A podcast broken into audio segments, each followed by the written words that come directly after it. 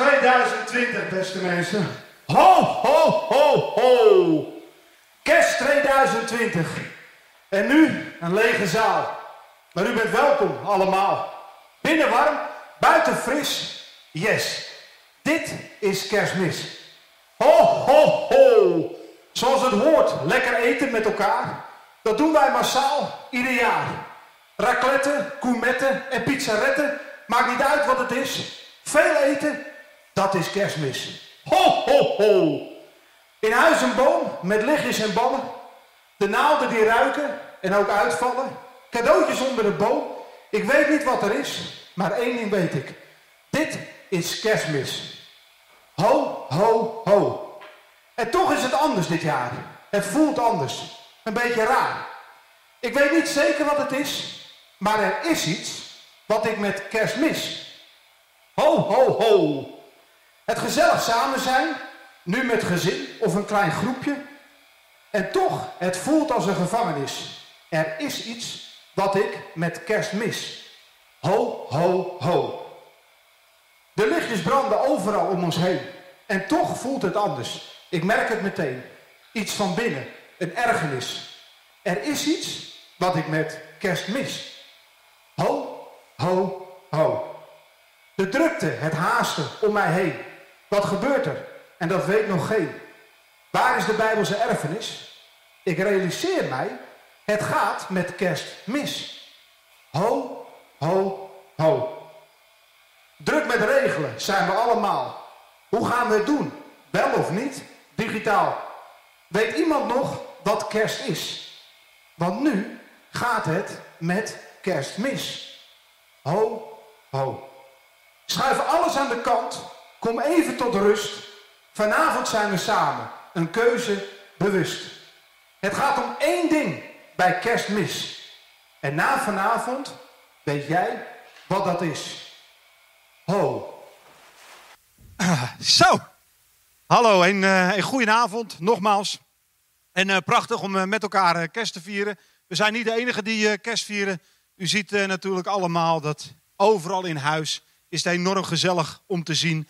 En wat zijn we dan bezig in deze tijd ook met organiseren? Kerstbomen staan, pakjes lichten eronder. Heerlijk om zo met elkaar gezellig en knus bezig te zijn met kerst.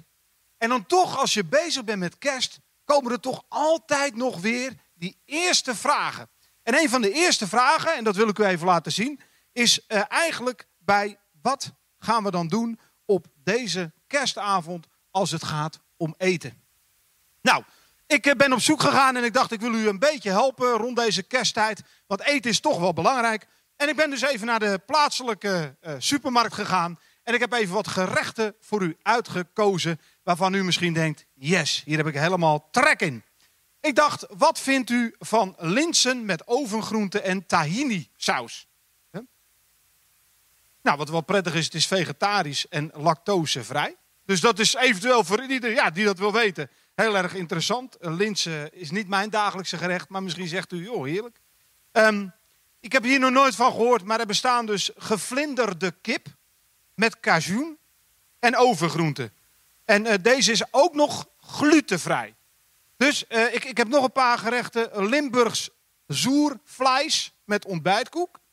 Ik heb nog appelgriesmelkcake met boeren vanillevla. En als laatste, dit is toch wel een van mijn favorieten, want daar kan ik me tenminste iets bij voorstellen. Zuurkoolschotel met ham en spek. Nou, dat, daar kan ik me iets bij voorstellen. En ik dacht eigenlijk, weet je wat het mooie is met, met dit soort dingen, als je het hebt over de gerechten. Er is dus iemand die heeft nagedacht over hoe je een gerecht moet maken. Die heeft zijn eigen smaak daarbij bepaald. En, en we zien hier wat voorbeelden. Misschien zegt u, nou, ik, ik ga voor die gezellige kalkoen die hierop staat. Of, of voor dat andere gerecht. Er staan verschillende dingen. Maar u ziet dus duidelijk dat er is iemand die heeft nagedacht over een gerecht. Dat heeft hij erbij gepakt. En ergens moet ik dit nu mee gaan nemen en kan ik dit gerecht maken. En ik kan het lezen en ik zie wat de ingrediënten zijn. En dan ga ik ervan uit dat als ik dit gemaakt heb, dat het ook nog lekker zal zijn. Nou, dat vraagt van mij wel groot geloof. Ik bedoel, is nou niet mijn vaste kostje of zo. Dus ergens denk ik dan, iemand die dit heeft opgeschreven, die dit heeft bedacht, daar moet je wel iets van aannemen en dat vraag geloof. En de enige reden wanneer je zou kunnen zeggen, hé, hey, maar het was echt goed, is pas als je het gegeten hebt en als je het geproefd hebt. Dan pas kun je echt zeggen, hé, hey, het klopt niet alleen op papier, maar het klopt ook in mijn lichaam. Het klopt hier. Dus wat ik op papier las, wat ik op papier zag, dat voel ik nu ook. Ja, het is lekker. En eigenlijk komen we dan bij deze avond. En dan wil ik u meenemen naar de volgende slide. Daar zien we eigenlijk dat uh, als we de Bijbel openen, zien we het verhaal van kerst. En weet u wat het is? Waarschijnlijk heeft u het verhaal al meerdere malen gehoord. U heeft het meerdere malen misschien wel eens gezien of wat dan ook. En ik heb een aantal plaatjes bijgezet. En ik wil aan de hand van de plaatjes, wil ik u eigenlijk het kerstverhaal uitleggen. En waarom begin ik dan met de kerstgerechten? Nou, u kunt misschien daar zitten, u kunt misschien dit voor het eerst horen en zeggen, nou ja, de Bijbel, een heel mooi verhaal, maar het is door iemand bedacht en wie zegt dat het klopt? En dan is mijn boodschap nu voor u, dat is hetgene wat ik u al wil geven, is proef en beoordeel daarna. Ga nu niet al gesloten zitten met, dit is niet mijn gerecht, mijn kerst is kerstboom, cadeautjes, familie om me heen, maar probeer dit gerecht eens. En dan hebben we het over de komst van Jezus. En de komst van Jezus is een bijzonder verhaal.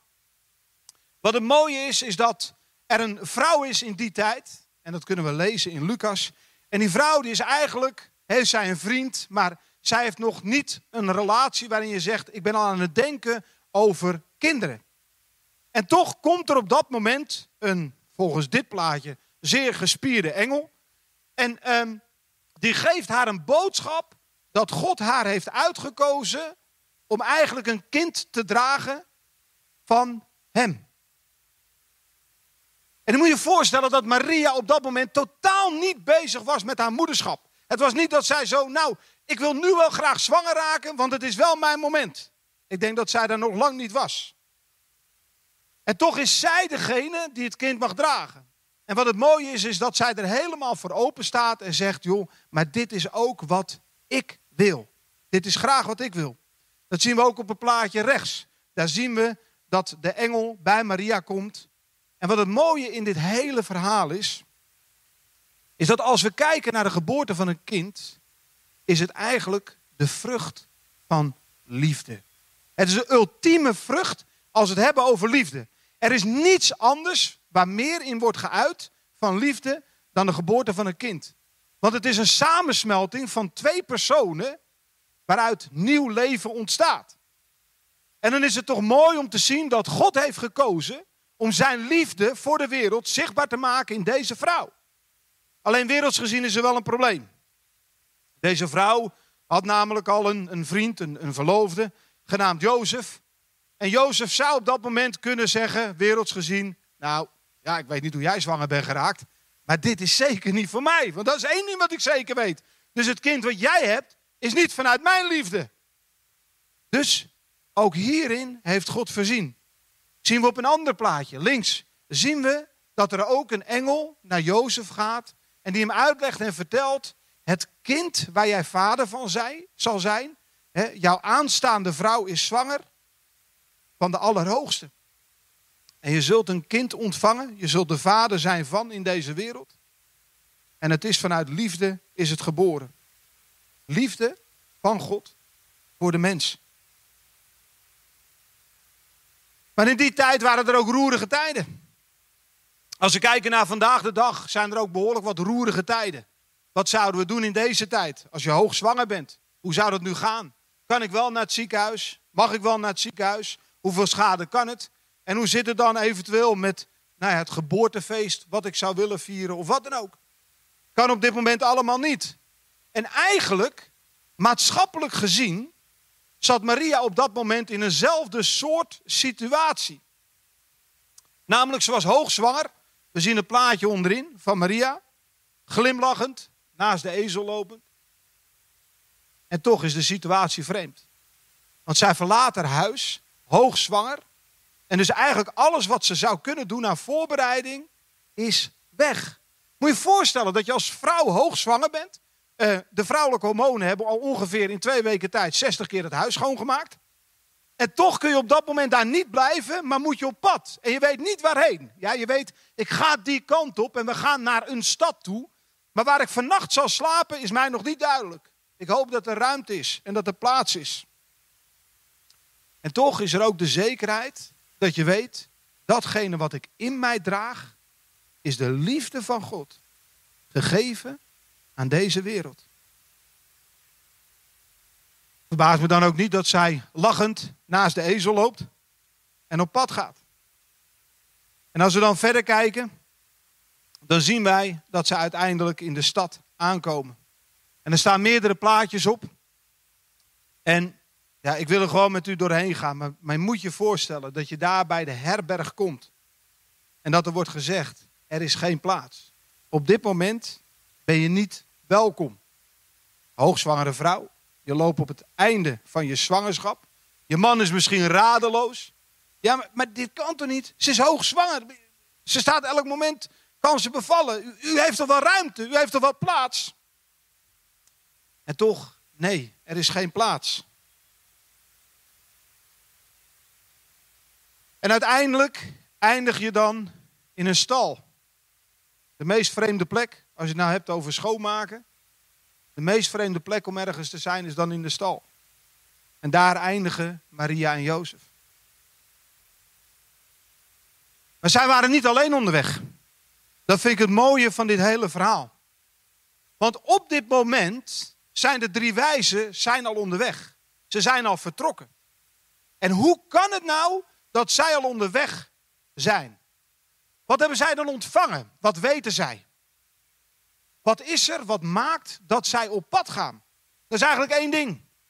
Dat is geloof. Zij hebben geloof ontvangen. Er is iets in hun hart geplant. Daar hebben ze met elkaar getuigenis van overlegd. En zij hebben gezegd, wij moeten met elkaar op pad. Waar gaan we heen en wat gaan we doen? Dat is niet bekend. Maar er is één ding bekend. We volgen de ster. De geboorte van Jezus gebeurt in deze avond. Maar als we terugkijken en heel even in het verhaal kijken, de geboorte van Jezus heeft bij deze mannen al plaatsgevonden. Namelijk, er is een wetenschap, een zekerheid dat er een koningskind geboren is en van daaruit gaan ze op pad. Ze wandelen in geloof. Ze nemen geschenken mee. Er is al iets gegeven aan hun. Een bepaald geloof dat zij weten, er is iets nieuws aanstaande. En vanuit dat geloof gaan ze op pad. En op datzelfde moment zijn er ook herders in het veld. Plaatje van een schilderij, helemaal rechts. Zij zien het engelenkoor. Ik heb een heel mooi plaatje bijgedaan eronder, wat beeldend, van Dick Bruna. En je ziet dan wel dat ook daar wordt iets geplant. Zij hebben nog niet de geboorte van Jezus gezien, maar zij hebben al wel van de geboorte van Jezus gehoord. En weet je wat dat heeft gedaan? Dat heeft geloof gegeven. Er is iets geplant. De liefde van God is duidelijk voor deze personen. En vanuit dat geloof, dat er iets is gebeurd, gaan zij op pad. Ze hadden alle reden om te zeggen, nou nee, vanavond niet. We liggen net lekker in het veld. Ik heb allemaal schapen. Ik, ik heb genoeg te doen. Dit, dit even niet. En uh, sowieso, wij zijn herders, joh, daar moet je ons niet bij betrekken. Laat ons ons werk doen. En toch zeggen ze dat niet. Toch gaan zij op pad omdat de geboorte van Jezus in hun hart al is geweest. Het is hen al gegeven. En dan zie je dat deze twee totaal verschillende groepen, de drie wijzen en de herders op pad gaan en uiteindelijk bij hetzelfde punt komen. Namelijk de stal waar ze Jozef en Maria vinden en uiteindelijk ook Jezus. En op dat moment is het geloof wat ze al hebben gehad, de drie wijzen die op pad zijn gegaan en de herders die vanuit het veld zijn vertrokken, wordt bevestigd in dat kleine kindje. Ze zien hem liggen. Ze weten ervan. En op dat moment zien zij de liefde van God als vlees geworden kind. God kijkt naar ons en God ziet ons. Het plaatje van de ster dat zelfs in het natuurlijke was zichtbaar dat die avond speciaal was.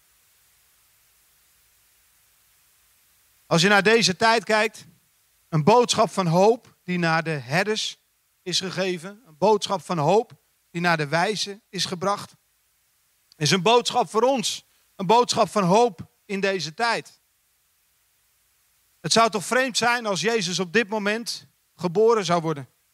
Maria die op pad zou gaan, bij verschillende hotels komt, maar ze mag er niet in. Er is genoeg ruimte, maar ze mag er niet in. En dus eindigt ze in, nou laten we niet zeggen een stal, maar een garage. En er komen daar op dat moment drie wijzen. Nou ja, volgens de huidige regelgeving zou dat nog net mogen. Maar die herders moeten buiten blijven staan. Dat zou toch ook vreemd zijn? Is het dan niet zo dat God groter is dan alles wat op deze wereld is? Is zijn liefde te beperken? Is dan de vraag. Ik denk het niet. Gods liefde is zo verschrikkelijk groot, maar werd klein in het kindje wat geboren werd, zodat het tot grootheid kon komen. En waarom dan? En waarom zou God dat nu doen? Omdat God altijd al vanaf begin van de Bijbel één ding heeft laten zien en kenbaar willen laten maken, is dat ik hou intens van ieder mens. Van allemaal. Er is er geen één uitgezonderd. En daarin wordt zijn liefde, liefde zichtbaar. Dat zien we ook op een volgende dia. Als je kijkt naar de volgende plaatjes, dan zie je een paar prachtige, mooie plaatjes. Ik zei al even dat God ziet de aarde. God kent ieder mens. God kent jou en God kent mij. God weet precies wat je nodig hebt. Het geschenk wat Hij heeft, is voor jou persoonlijk. Het is niet alleen van uw buurman of voor uw buurvrouw, wat ook. Het is voor u persoonlijk. God is naar de aarde gekomen om zijn liefde te laten zien aan u. Ik ken uw situatie niet op dit moment. Ik weet niet welk verdriet u heeft, welke vreugde u heeft, welke pijn u heeft of welke angst u heeft in deze tijd. Maar God zegt dwars door alles heen: Mijn liefde is oneindig. Mijn liefde geef ik jou. Ik heb een plaatje van een geschenk, een gouden doos die als hij opent, dat het een en al vuurwerk is. Het geschenk wat God geeft, kan niemand u opdringen. Dat kan niet. Dat bestaat niet. Het mooie van een geschenk is dat je het eigenlijk geeft aan een persoon en dat het bij de persoon zelf ligt wat hij ermee doet. Je hoeft het niet open te maken. Je kunt het ook links laten liggen. Of je kunt zeggen: hé, hey, ik ben nieuwsgierig. Wat zit er in die doos wat die persoon voor mij heeft? Ik weet niet zeker wat God voor u heeft. Voor u persoonlijk. Dat weet ik niet. Ik weet wel één ding. Het geschenk wat hij heeft, ligt voor u klaar. En dan heb ik het niet over een geschenk onder de kerstboom. Zoals we op het plaatje zien. Ik heb het over iets anders. Ik heb het over een boodschap van hoop. Een boodschap van vrede. En als dan een van de uitspraken op deze slide is: Ik zag vanochtend de liefde van God in de spiegel, dan klopt het. Dat is wat God elke dag van u zegt. Ik zie jou. Ik hou zo zielsveel van jou. En deze avond mag ik u dus eigenlijk één ding geven. Datgene wat God mij heeft gegeven. Zijn onvoorwaardelijke liefde. Zijn acceptatie voor wie ik ben. Dat ik in deze wereld mag leven. Maar mag weten dat wat er ook gebeurt, dat Hij naast me staat. Altijd bij me is. Daarmee zeg ik niet dat er nooit problemen zijn of dat er geen angsten zijn. Maar ik zeg wel, samen met Hem mag ik staan. En dit geschenk mag ik aan u geven. Het geschenk van de geboorte van Jezus. Maar wat houdt dat dan in? Wat kan ik ermee? Wat moet ik ermee? Ik ga het u niet vertellen. Het zou toch niet mooi zijn, het zou toch niet prettig zijn als ik u een cadeautje geef. U heeft het nog niet uitgepakt of ik zeg al wat erin zit. Dan zegt u toch ook, nou dat vind ik niet zoveel waard om nog uit te pakken, want je zegt al wat erin zit. Heb je het bonnetje bewaard? Nee, ik heb hier geen bonnetje van. Ik heb hier één ding van, dat is de liefde van God, die ik u mag geven in een geschenk. En ik mag zeggen, u mag het zelf openmaken, op uw moment. En u zit nu thuis, u bent daar, misschien met familie, misschien met vrienden, of misschien bent u helemaal alleen. Maar ik zeg u dit, God is bij u. Jezus is vandaag gekomen om u een boodschap van hoop te geven. Boodschap van liefde. En ik mag het u aanreiken, een geschenk. En wilt u het aannemen? Pakt u het uit op uw moment. Als u zegt, ik doe het liever alleen, dat mag ook. Maar het geschenk van God blijft altijd gelden. En dat is de laatste vraag nog. Dat zien we in de laatste slide staan. Wil jij het ontvangen? Geschenk van God. Zodat ook jij kan geven. We kunnen alleen dingen geven die we hebben ontvangen. Het enige wat ik te geven heb in deze wereld is de liefde van God de Vader. Werkelijkheid geworden in de geboorte van zijn zoon, Jezus Christus. Dat is wat kerst is. Amen.